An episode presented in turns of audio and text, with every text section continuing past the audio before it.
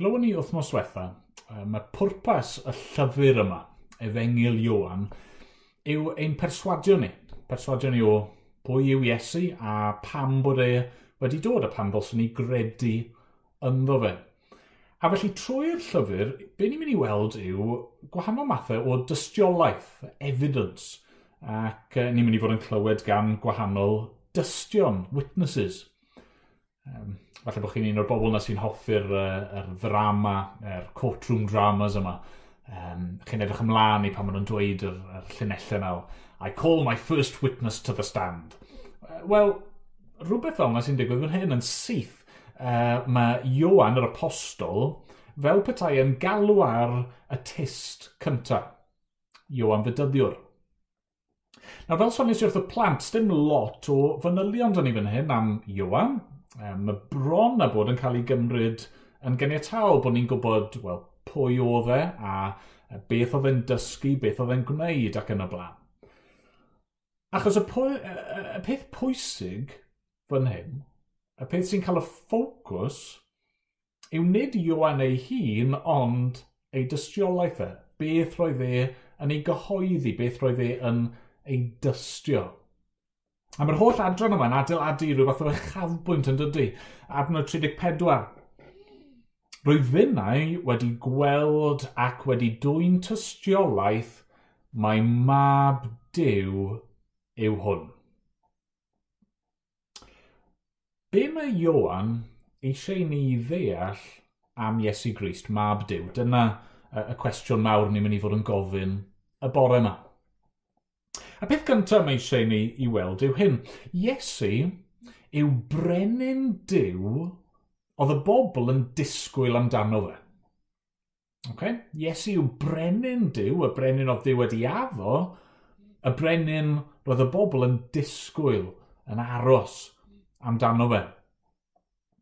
Rhywbeth ni'n gorfod deall um, am y cyfnod sy'n cael ei ddisgrifio fan hyn yw bod yna ddisgwyliad mawr fod Dyw yn mynd i anfon gwaredwr i'w bobl e. Nawr wrth gwrs, oedd Dyw wedi bod yn addo uh, ers y coen, ers Genesis penod 3, reit nôl uh, yn nechrau uh, y Beibl bod e'n mynd i anfon rhywun fyddai'n achub y byd, yn delio gyda pechod.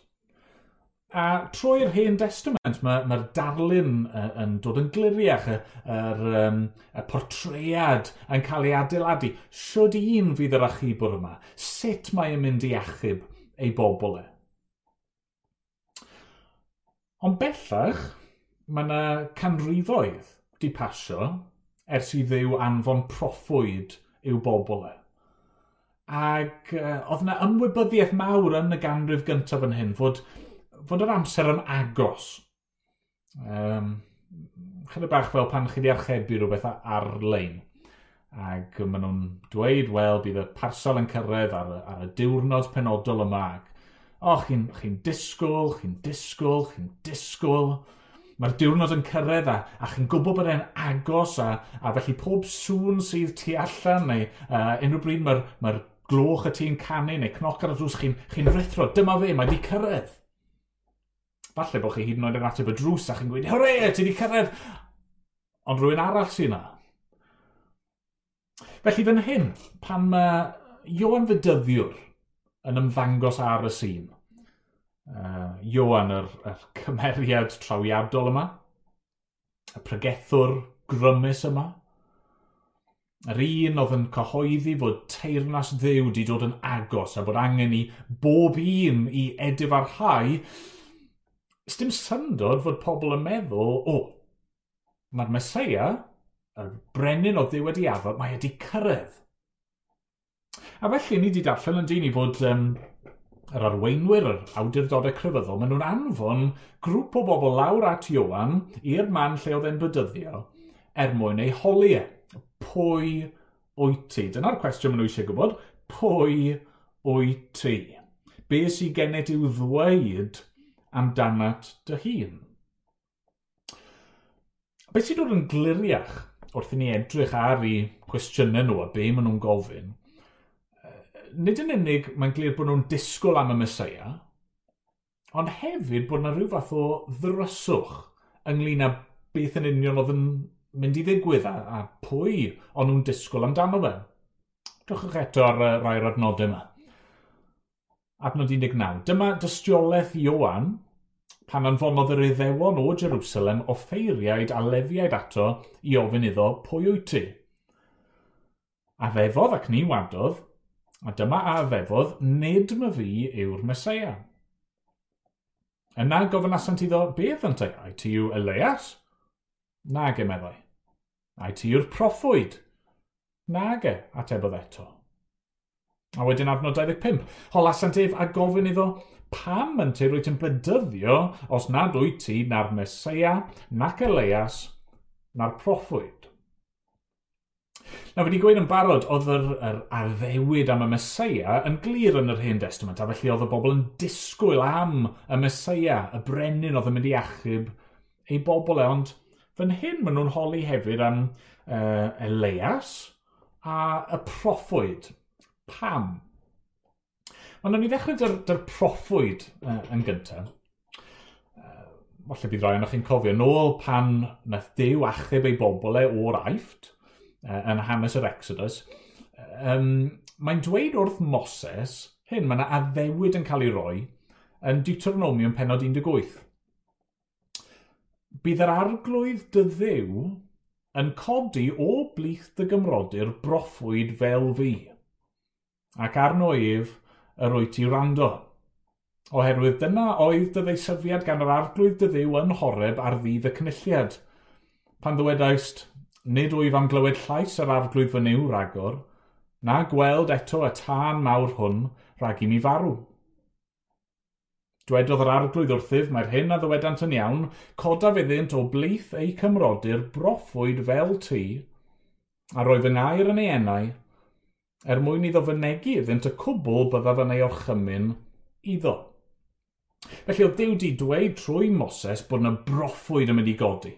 Proffwyd fel Moses, proffwyd oedd yn mynd i fod yn debyg i Moses ac cyhoeddi gair Dyw i'r bobl. A felly fan hyn, mae'n amlwg bod y bobl, wel, di drysu rhywfaint, achos o'n nhw uh, yn meddwl, wel, bydd y Mesoea dod a bydd y proffwyd yn dod. Wel, na, Mae'n amlwg mae camgymeriad oedd hynny. Wrth i ni ddarllen ymlaen, mae'n dod yn amlwg mae Iesu yw y Mesoea, fe yw'r brenin, e, ond fe hefyd yw y proffwyd sydd yn cyhoeddi gair diw. Fe hefyd yw yr offeiriad sydd yn aberthu ei hunan dros bobl ddiw. Ond yna, maen nhw hefyd yn gofyn am Elias, yn dyn nhw, pam? Wel eto, falle, mae'n bydd rai yn cofio, e, mae'r hen testament uh, yn gorffen gyda'r geiriau yma. Yn llyfr y proffwyd Malachi, penod pedwar ac adnod pimp. Wele fi yn anfon atoch Elias y proffwyd cyn dod dydd mawr ac ofnadwy'r arglwydd. Chi'n gweld cyn yr cyfnod hir yna o dawelwch heb broffwyd. Y cyfnod hir yma o oedi ac o aros roedd Dyw wedi dweud wrth i bobl bod e'n mynd i anfon Elias, y proffwyd, i baratoi'r ffordd. A mae'n amlwg fod uh, yr awdurdodau crefyddol yma wedi deall hynny yn llythrenol. Ond nhw'n meddwl bod Elias, o'r ffigwr yna o'i hanes nhw, uh, yn mynd i ddychwelyd i'r byd er mwyn paratoi'r ffordd i'r Mesoea. Na mae Iowa yn hyn yn dweud, wel, na, nid fi yw Elias. Ond o'n nhw bron a bod yn iawn, chi'n gweld. Mae'n ddiddorol. Mae Iesu, nes ymlaen, yn dweud fod Iowan wedi dod yn ysbryd a nerth Elias. Hynny yw bod wedi dod fel Elias mae chynnig bach fel mae yna ma, na, rannau o'r Beibl sydd yn dweud bod Dyw yn mynd i anfon Dafydd fel brenin i eistedd ar orsedd am beth, ond wrth gwrs nid sôn am Dafydd, mae e'n dod nôl yn fyw eto i fod yn frenin na, sôn am mab Dafydd, iesu'r brenin sydd fel Dafydd. Ond fan hyn nawr, oedd Dyw wedi dweud bod e'n mynd i anfon Elias, wel, mae Iwan yn dod yn ysbryd Elias, yn nerth Elias, er mwyn paratoi pobl i ddiw. Paratoi'r ffordd i'r arglwydd ei hun. Ond y pwynt sy'n cael ei wneud fan hyn yw fod yr amser o aros drosodd. Oedd Dew di addo mewn llawer o ffyrdd um, yn hanes yr Exodus, bod e'n mynd i anfon proffwyd. Uh, uh, yn hyfnod y geithglid, bod e'n mynd i anfon Elias i baratoi'r ffordd uh, i'w uh, frenu ni. Ac um, o'r holl proffwydoliaethau eraill, a, a be mae Iwan eisiau i'r rhai ni sylweddoli nawr yw bod yr amser o aros di dod i ben. Mae di cyrraedd. Adnod 23.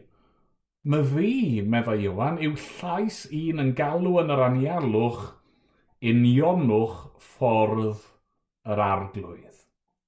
Fel y dywedodd y proffwyd, Ezeia.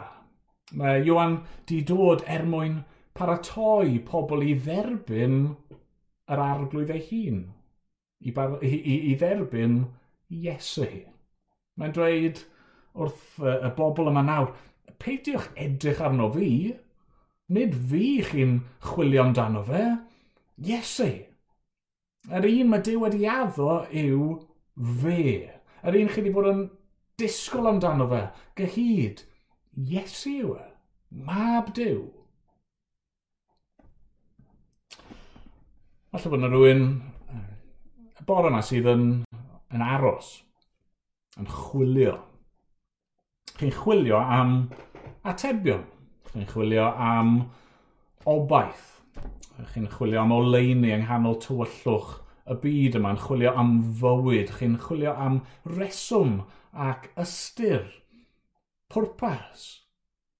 Mae'r cyfnod diwethaf yma wedi bod yn anodd i lawer ohono ni, a falle bod chi wedi bod yn cwestiynu um, well, beth i chi'n credu, a os na ddew, a sut i'n yw e, ac um, pwy yw'r Iesu yma?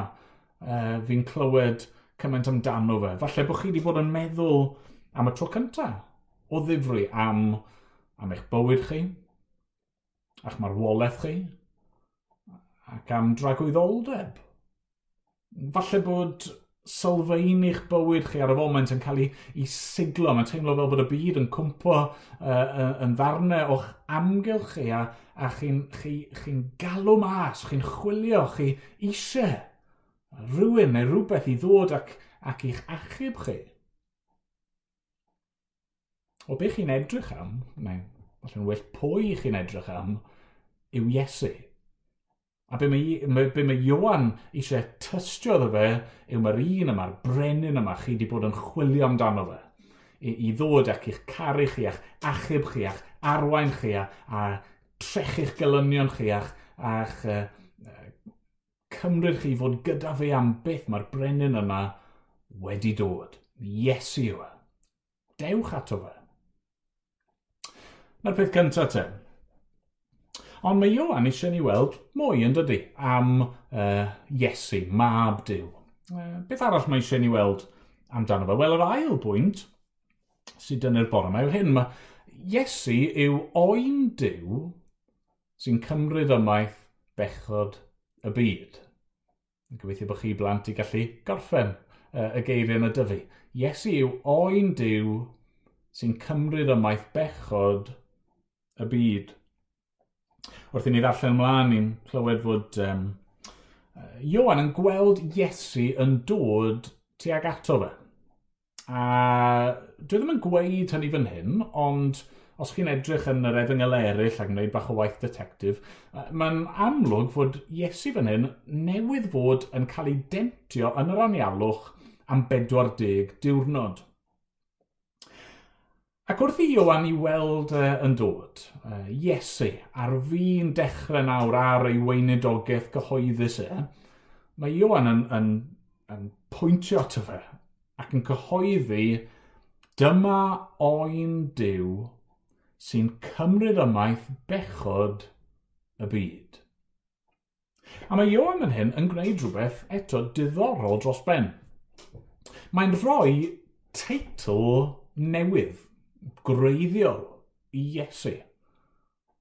Oen Dyw, bydden neb wedi clywed yr enw yno o'r blaen, bydden nhw wedi clywed am y Mesoea, bydden nhw wedi clywed am y proffwyd a uh, Elias, ond, ond ddim oen Dyw Ond er fod y teitl yn un newydd, byddai'r bobl oedd yn gwrando fi'n siŵr wedi deall yn effa clir beth oedd Iwan yn ei olygu. Achos, wel, er bod yn ni lot o ddefaid yma yng Nghymru, gallwn ni ddweud bod yna llawer fwy o ddefaid ac o oen yn y Beibl, yn yr Hen Testament. Dro ar ôl tro, i ni'n cael y syniad yma o oen yn cael ei ladd fel aberth yn lle rhywun arall. Mae ydych chi'r hanes enwog yna'n does am Abraham. Mae Dyw yn, yn profi cariad a ffydd Abraham, yn gweld beth sydd yn wirioneddol bwysig i Abraham, ydy yn caru uh, ei fab, ei unig fab yn, uh, yn fwy na, na Dyw ei hun, mab yr addewid. Um, ydy yn barod i aberthu hyd yn oed yr mab anwyl yna. Ond wrth gwrs yn y foment ola, mae Dyw yn darparu aberth yn lle. Yna mae ydych chi yr, yr Exodus. Oen yn cael ei ladd, y gwaed yn cael ei dywallt a, a'i roi ar, ar pyrth y drysau. Pam? Wel, er mwyn gwarchod y bobl, gwarchod nhw rhag barn Dyw achub bywyd yr cyntaf anedig yn y teulu. Dew yn, yn derbyn yr aberth yna ac yn, uh, yn dod â'i bobl allan, yn prynu nhw i ryddid o i caethiwed yn yr aifft. Ac, uh, wel, mae'n y fwy o enghreifftiau. Oedd aberthu oen dros bechod yn llythrenol yn rhan dyddiol o fywyd crefyddol yr Iddewon. Bob dydd, dydd ar ôl dydd, ac, um, wel, yn wir, uchafbwynt y flwyddyn uh, i'r iddewon oedd dydd y cymod. Pan fydda yna, wel, un oen yn cael ei ladd fel aberth dros bechod, ac oen arall uh, yn cael ei anfon i ffwrdd allan o'r gwersyll, mas i'r anialwch, yn cario pechoder bobl yn bell i ffwrdd oddi wrthyn nhw. A gallwn ni ddweud llawer mwy am yr esiample hynny yna, llawer fwy o esiample eraill, ond y pwynt yw i'r grandawyr cyntaf yma, byddai'r syniad o oen, oen sy'n cymryd ymaith pechod yn beth cyfarwydd iawn. Um,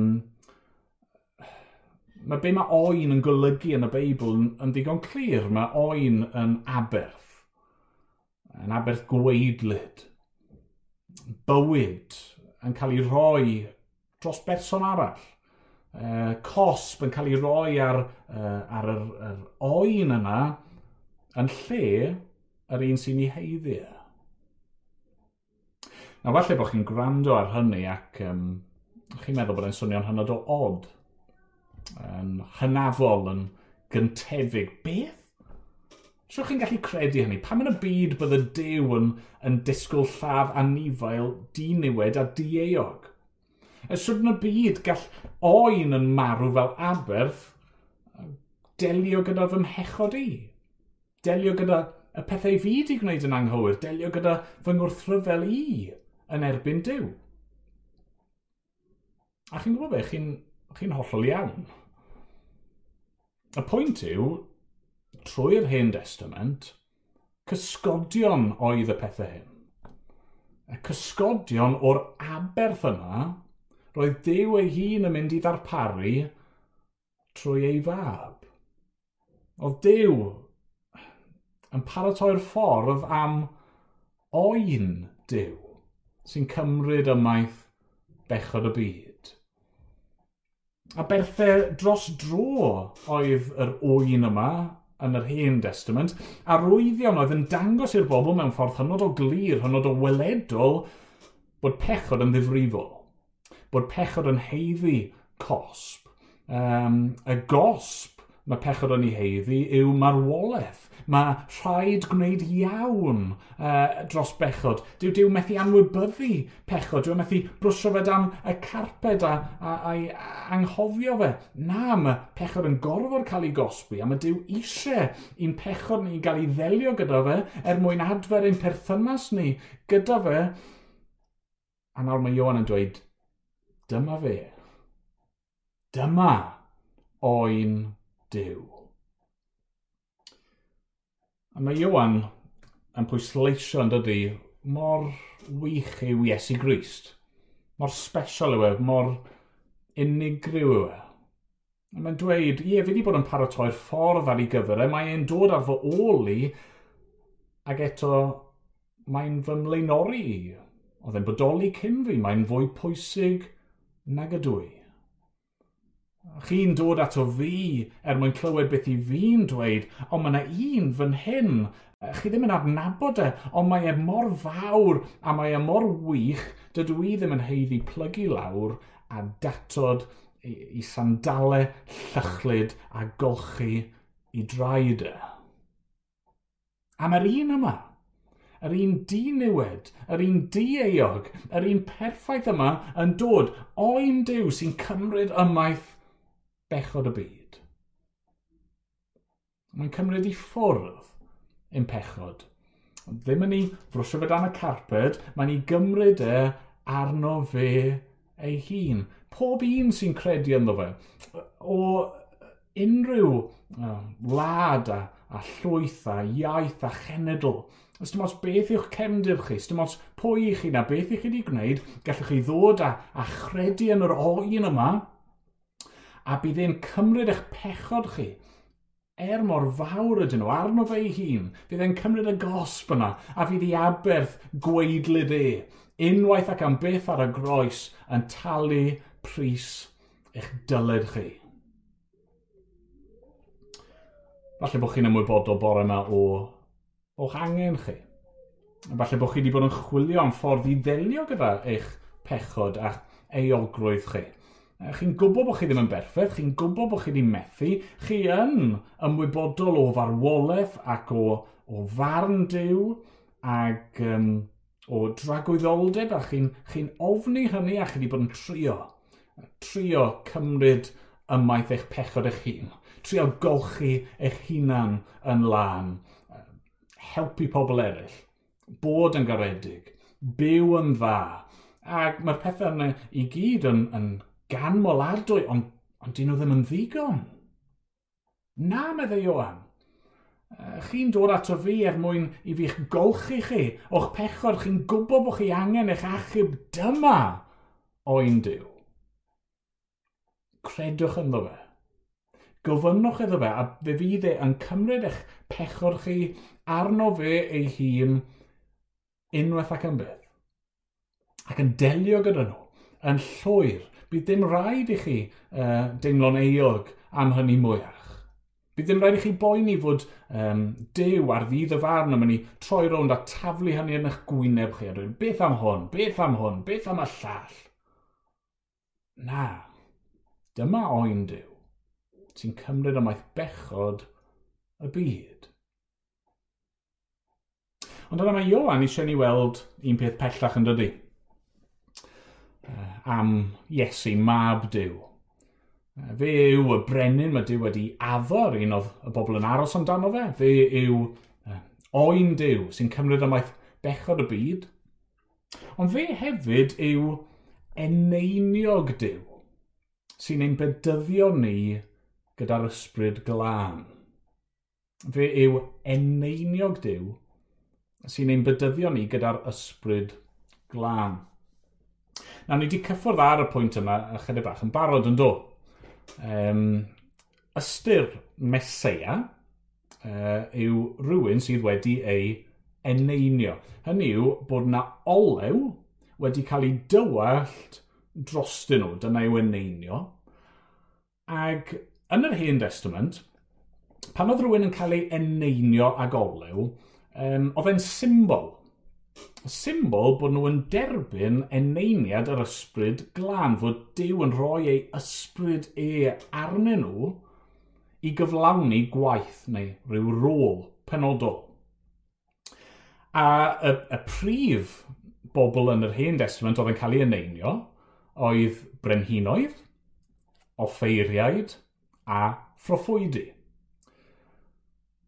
Ond fan hyn ni'n clywed mae Iesu yw y Mesoea. Fe yw yr eneiniog. Mae'n cael ei eneinio fan hyn mewn rhyw ffordd arbennig iawn yn dydy. Ni'n clywed fod e'n derbyn yr ysbryd glân mewn rhyw ffordd unigryw. Ac unwaith eto, dim lot o fanylion am y digwyddiad, ond mae Iwan yn dweud wrthyn ni fod Iesu wedi dod ato fe i gael ei fydyddio sydd yn beth rhyfedd wrth gwrs, um, doedd Iesu ddim angen cael ei fydyddio, mewn un ystyr, doedd e, e ddim angen edif ar hau, oedd dim ganddo fe unrhyw bechod i gyffesu, ond nath Iesu gael ei fydyddio, nath e dderbyn yr, yr arwydd yna o fedydd, ac wrth iddo fe fynd lawr mewn i'r dŵr ac yna e, dod allan o'r dŵr, dyma rhywbeth yn digwydd. Nath Iwan weld yn digwydd ni'n clywed fod yr ysbryd glân yn disgyn ac yn, yn aros arno fe. Arno 32.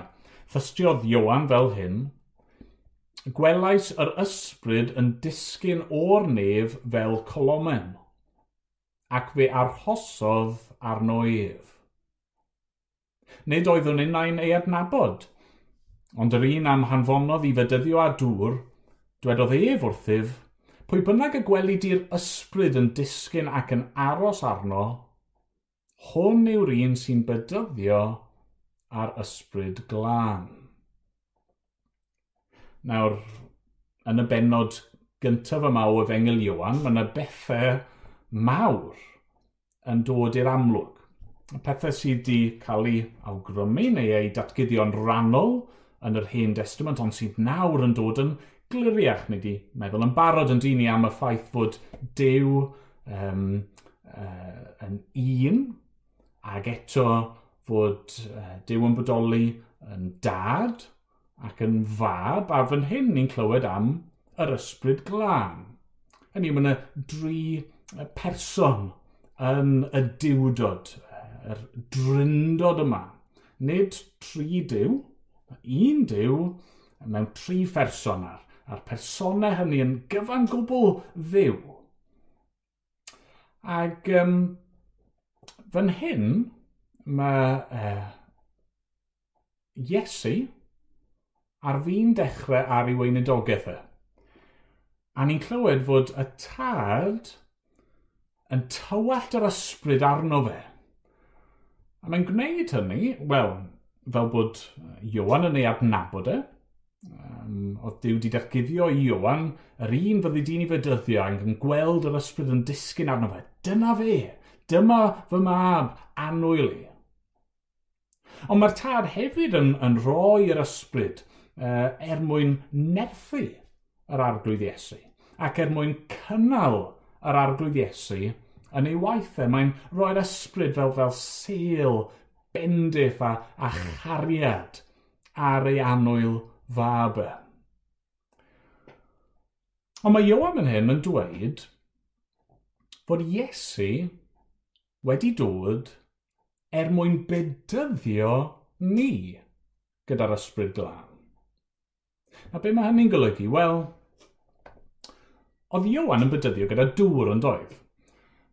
Oedd e yn rhoi'r symbol allanol yma o olchi o fynd lawr a cael eich claddu fel petai yn y dŵr, um, troi cefn ar yr hen ffordd o fyw ac yna codi yn lân um, fel ailenni, dechrau ar fywyd newydd. Ac oedd Iwan yn galw pawb i hynny. Um, Sdim ots os o'ch chi yn, yn um, perthyn i genedl Israel a'i peidio, os dim ots um, beth oedd eich statws gymdeithasol chi, neu um, os o'ch chi'n uh, perthyn i ryw elit cryfyddol, oedd rhaid i bawb edif ar rhai a, a chredu fod uh, teirnas ddiw yn agos a bod y Mesoea yn dod. Ond oedd bedydd Iowan yn pwyntio, well, fel holl fywyd a gweinidogaeth Iowan, yn pwyntio at Iesu a beth oedd e yn dod i'w wneud. Oedd cael eich bydyddio gan Iwan ddim yn eich achub chi, oedd mynd lawr mewn i'r dŵr ddim yn eich glanhau chi. Symbol o fe. Symbol o beth oedd Iesu di dod i'w wneud. Fe yw'r un sydd trwy ei aberth ar y groes yn ein golchi ni. Yn ein glanhau ni. Nid jyst ar y tu allan ond ar y tu fewn. Ond siwr mae hynny'n digwydd, siwr mae hynny'n dod yn wir i ni, siwr i ni, bore yma'n gallu profi hynny. Wel, ni'n profi e wrth gael ein bydyddio ar ysbryd glân. Pan mae person yn dod yn, yn gristion, maen nhw'n dal i gael ei bydyddio a dŵr. Uh, ni'n derbyn yr symbol allanol yma o'r ffaith bod ni yn edifarhau a wedi'n claddu gyda Christ ac yn uh, ymddiried yn ei farwolaeth e ac yn codi i fywyd newydd nawr ynddo fe, ond mae yna rhywbeth yn digwydd yn y galon hefyd. Bedydd yr ysbryd glân yw beth sydd yn digwydd yn fewnol. Pan mae person yn credu yn yr arglwydd Iesu, mae e, yr eneiniog, yr un sydd yn llawn o'r ysbryd, y mae e'n tywallt ei ysbryd arno ni. Ac wrth i ni dderbyn yr ysbryd glân, ni'n cael ein uno gyda fe. A ni'n cael ein gwisgo gyda'i berffeithrwydd e. A ni'n derbyn yr holl breintiau hynny mae e wedi ennill i ni. Ond chwa beth sy'n hyfryd yw, pan mae Iesu'n bedyddio ni ar ysbryd glân, mae'r ysbryd sy'n cael ei roi i ni ddim yn cael ei dynnu i ffwrdd. Dwi e ddim yn cael ei gymryd yn ôl. Mae'r Cristion, pob Cristion, yn derbyn yr ysbryd glân pan maen nhw'n credu yn y mab. Ac um, er bod modd i ni i, i dristau'r ysbryd a diffodd yr ysbryd wrth i ni um, wrth rhyfela neu pellhau o ddi wrth ddiw, Ac er bod modd i'r Cristion hefyd i gael ei lenwi gan yr ysbryd a, a ei arwain a, a cherdded um, uh, gyda'r ysbryd, i ni ddim byth yn colli yr ysbryd. Mae Iesu uh, yn rhoi ei ysbryd e i'w eglwys, mae'n rhoi ei ysbryd e i'w bobl, a felly os ych chi'n gristion, mae'r ysbryd glân yno chi mae e gyda chi yn eich nerthu chi ac yn eich cynnal chi. Mae'r pwer yna, yr adnodd yna, oedd gan Iesu wrth iddo fe i, i fyw uh, bywyd yn ei fydd i'w dad, mae'r mae, mae ysbryd glân yna, yr uh, person hyfryd yma, gyda chi. Os ych chi ddim yn Gristion, dyna sy'n cael ei gynnig i chi i gael eich mabwysadu, derbyn ysbryd yma mabwysiad a, ag bod dew ei hun, creawdwr y nefoedd ar ddeiar, yn byw yno chi, gyda chi, a beth yn eich gadael chi. Dyma'r dystiolaeth gyntaf, y test cyntaf, Ioan Fydyddiwr. Mae'n dweud, rwyfinnau wedi gweld ac wedi dwy'n tystiolaeth Mae mab diw yw hwn. Mae Iwan yn dweud, dyma fe. Yr un chi wedi bod yn aros amdano fe. Yr un sydd wedi dod fel oen i gymryd eich pechor chi i ffwrdd ac yn ei le rhoi ysbryd glân Dyw. Credwch ynddo fe. Ni pryn di dechrau uh, ni dal yn y benod gyntaf, mae yna uh, gymaint yn fwy gyda ni weld, gymaint fwy o dystiolaeth, gymaint fwy o, o bethau gwych i ni ddarganfod am uh, Iesu Grist, mab Dyw. Ond mae yna ddigon fan hyn. Ond oes, mae yna ddigon i ni ryfeddu arno. Mae yna ddigon i ni roi'n ffydd ni ynddo fe. Mae yna ddigon i'n cynnal ni. Diolch iddo fe yn ei enwau. Amen. Amen. Wel, i ni uh, unwaith eto, mynd i orffen ein oedfa ni trwy gannu gyda'n gilydd.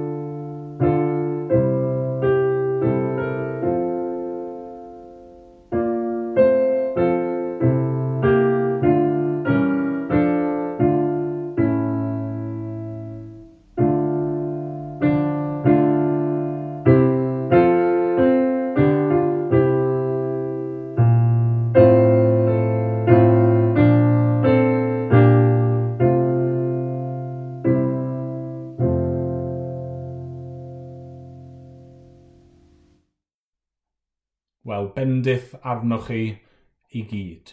Ac rwy'n gweddio bydd Dyw yn awr yn parhau uh, i weithio uh, yn eich calon chi trwy yr ysbryd glân ac uh, eich bendithio chi trwy dystiolaeth Iwan Fydyddiwr. Nawr ni weddio dyn gilydd i orffen. Ie, arglwydd ein diw, mawr yw ein diolch ni i ti. I ni'n diolch am Bwy wyt ti? Yr dryndod, fendigaid yma, y dew cariad yma, yn dad, mab ac ysbryd glân.